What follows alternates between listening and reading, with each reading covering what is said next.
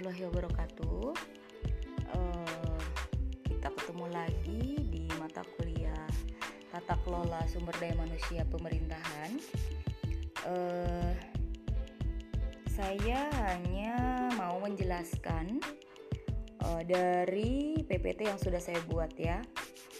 Di PPT itu disebutkan bahwa Tata kelola sumber daya manusia merupakan suatu proses perencanaan, pengorganisasian, pelaksanaan, dan pengendalian terhadap yang pertama, pengadaan sumber daya manusia. Apa saja yang termasuk dalam pengadaan sumber daya manusia? Termasuk perencanaan. Jadi ada semacam planning kapan kita harus menambah uh, sumber daya manusia setelah ada nanti ada analisis jabatan termasuk rekrutmen. Harus seperti apa uh, uh, strategi atau cara rekrutmen yang akan dilakukan?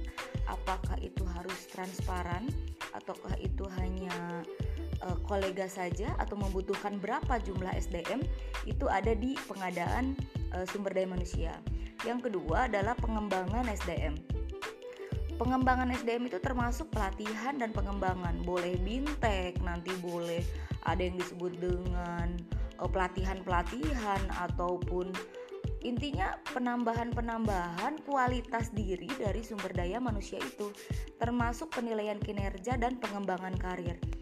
Pengembangan karir berarti ada progres atau kemajuan dari karir uh, uh, si sumber daya manusia tersebut yang artinya dia harus memiliki kualifikasi tertentu untuk bisa berada dalam tahapan uh, pengembangan karir. Ada penilaian kinerja, berbasiskan penilaian kinerja, seseorang akan mendapatkan semacam rekomendasi uh, uh, untuk untuk SDM tersebut dalam pengembangan karirnya. Selanjutnya adalah pemberian balas jasa. Pemberian balas jasa artinya uh, feedback dari kinerja yang sudah dia lakukan. Biasanya berupa apa? Berupa gaji atau salary, berupa intensif kerja, berupa atau mungkin benefit, benefit atau keuntungan atau e, sesuatu yang memang e, kalau bahasa kita ada uang tambahan mungkin ya. Termasuk program kesejahteraan. Program kesejahteraan kesejahteraan itu apa? Kalau kita adalah jaminan dari e, apa tempat kita bekerja kalau ASN kita bisa bilang uh, misalnya BPJS gitu atau BPJS ketenaga kerjaan gitu ya. And then selanjutnya adalah pengintegrasian kerja sumber daya manusia.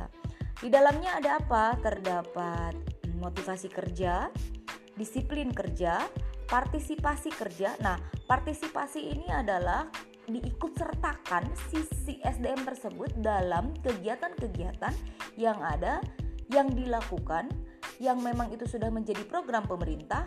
Jadi eh, ASN tersebut dilibatkan semuanya gitu. Nanti ada kepuasan kerja, kesehatan, keselamatan kerja. Nah, di situ dijamin dalam pengintegrasian kerja SDM. Selanjutnya adalah pemisahan SDM atau kita uh, uh, kita sebut juga sebagai uh, pensiunan. Oh ya, saya lupa. Tadi yang dalam pem, uh, ada pemeliharaan SDM di situ ada uh, pengendalian kerja, konflik maksudnya, ada konseling. Jadi kalau ada permasalahan itu boleh ya uh, minta saran atau uh, sharing dengan dengan yang lain atau atasannya. Bagaimana cara kita mungkin kan manusia ada lelahnya ya, tapi tapi boleh itu uh, kita memberikan apa ya semacam konsultasi gitu ya Nanti di situ ada yang disebut dengan manajemen stres. Karena dengan target capaian kerja atau program-program yang banyak yang mungkin proyeknya besar itu jelas akan membuat uh, si SDM tersebut kelelahan bekerja dan akhirnya ada uh, stres gitu. Nah, di situ harus ada yang disebut dengan manajemen stres. Oke, selanjutnya uh, kita tahu di era big data sekarang ini tata kelola SDM e, eh, di sektor publik itu mengalami perubahan paradigma. Kalau dulu berdasarkan e, hanya pemerintah saja yang bekerja, tapi sekarang sudah berganti beralih menjadi berbasiskan kompetensi. uh, yang kompetensi siapa kompetensi dari SDM tersebut jadi people centered management jadi si SDM itu yang menjadi titik tolak bagaimana program-program pemerintahan itu akan berhasil gitu. Uh, makanya SDM tersebut harus di apa ya diisi dengan keahlian kompetensi ada juga team building kepemimpinan uh, termasuk komitmen SDM itu sendiri. Dengan demikian SDM itu akan berbasis kompetensi dan akan mencapai kinerja secara optimal capaian itu harapan tersebut yang memang diharapkan oleh uh, kita semua sebagai masyarakat nanti Indonesia juga uh, di tahun 2015 eh, sampai 2030 itu jumlah usia kerja sangat mendominasi di demografi kita. Apa itu? Jadi yang usia-usia produktif hampir 70% sehingga SDM memang faktor yang bisa diunggulkan untuk maju. Itu adalah kelebihan yang dimiliki oleh Indonesia. Kita sebagai negara keempat berpenduduk besar setelah uh, Tiongkok, India, dan Amerika termasuk dan selanjutnya adalah Indonesia itu adalah keuntungan atau mungkin kita kita buat saja itu menjadi kelebihan sumber daya manusia yang produktif dan itu bisa bisa kita buat menjadi apa ya pendorong atau faktor pendorong yang akan menciptakan bagaimana kemajuan Indonesia selanjutnya. Ada dua faktor yang dapat dikategorikan sebagai uh, strategi dalam meningkatkan kualitas uh, sumber daya manusia. Yang pertama, faktor internal, yaitu faktor yang dimiliki oleh SDM itu sendiri, termasuk faktor skill. Skill itu apa? Itu adalah keterampilan. Dan expertise adalah keahlian. Biasanya skill dan expertise itu uh, didapatkan melalui pendidikan formal dan informal. Even itu istilahnya apa ya? semua orang memiliki bakat, semua orang memiliki bawaannya, keahliannya masing-masing dan mungkin itu berbeda-beda. Cuman dengan pendidikan uh, formal maupun informal yang kita dapatkan itu akan lebih terarah, lebih lebih tajam lagi, lebih bisa menjadi sesuatu modal bagi dirinya gitu, serta menjadi nilai tambah yang dimiliki.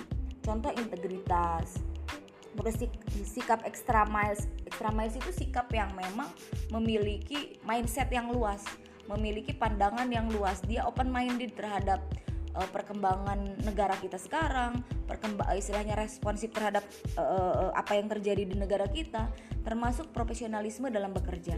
Nah itu adalah nilai-nilai tambah yang merupakan uh, faktor internal. Terus lain ada yang disebut dengan brain power.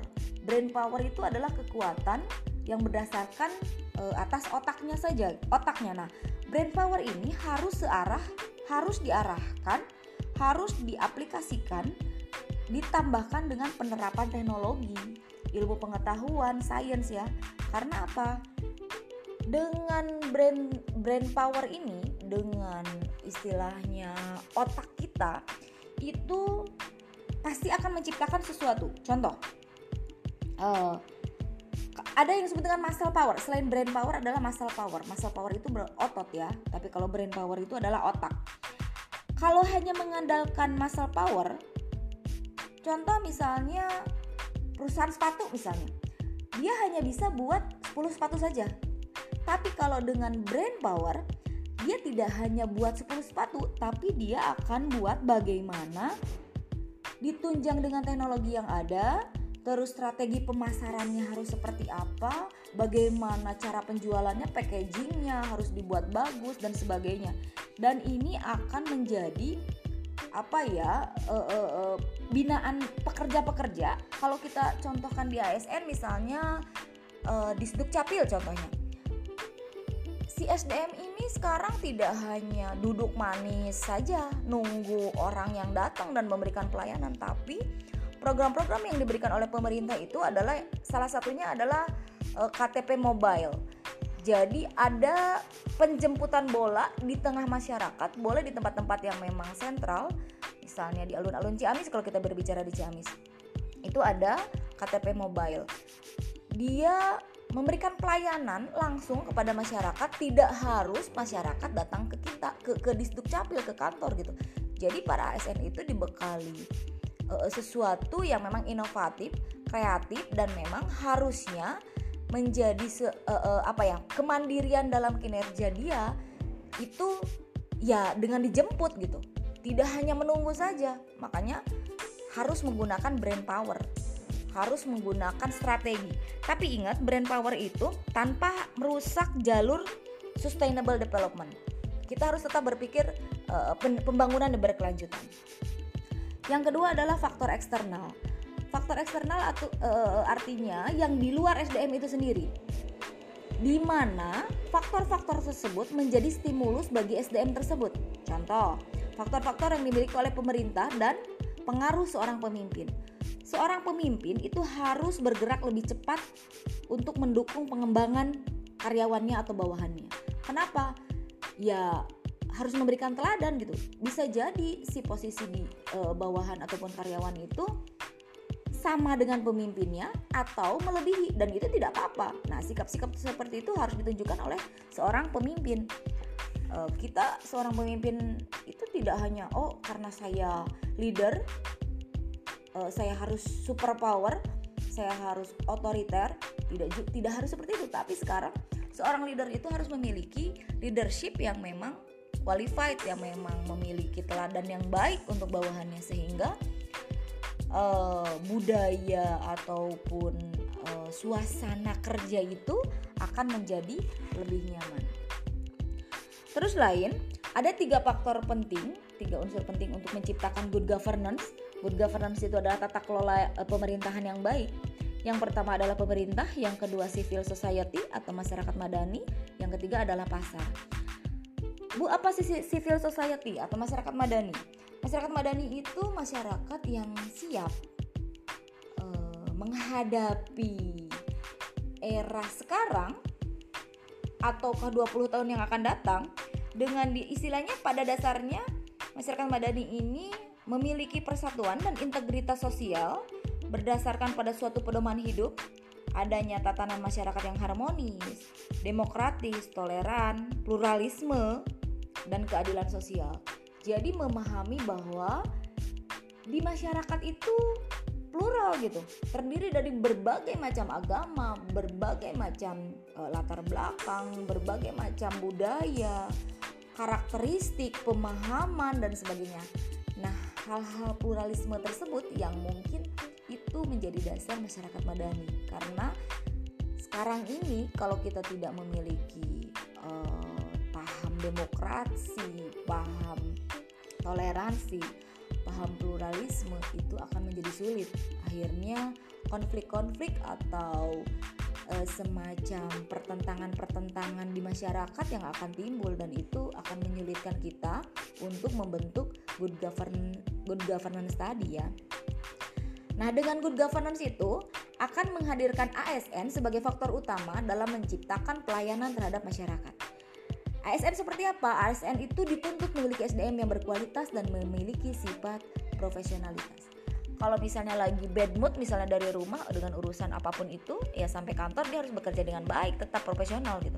Dia harus menempatkan dirinya sebagai ASN yang bertujuan uh, untuk memberikan pelayanan terbaik terhadap masyarakat. Jadi intinya dalam pembentukan good governance itu banyak hal yang harus dipahami dan kita sekarang di mata kuliah tata kelola SDM pemerintahan ini kita nanti akan berbicara seperti apa yang tadi saya utarakan dan di PPT ini ada. Kita akan membentuk karakter dari dalam diri SDM-nya itu sendiri. Uh, mudah-mudahan kalian belum paham dengan apa yang saya jelaskan. Saya akan menunggu pertanyaan-pertanyaan kalian. Boleh di GC, boleh di grup WA. Terima kasih banyak untuk hari ini. Sampai ketemu lagi next week. Wassalamualaikum warahmatullahi wabarakatuh.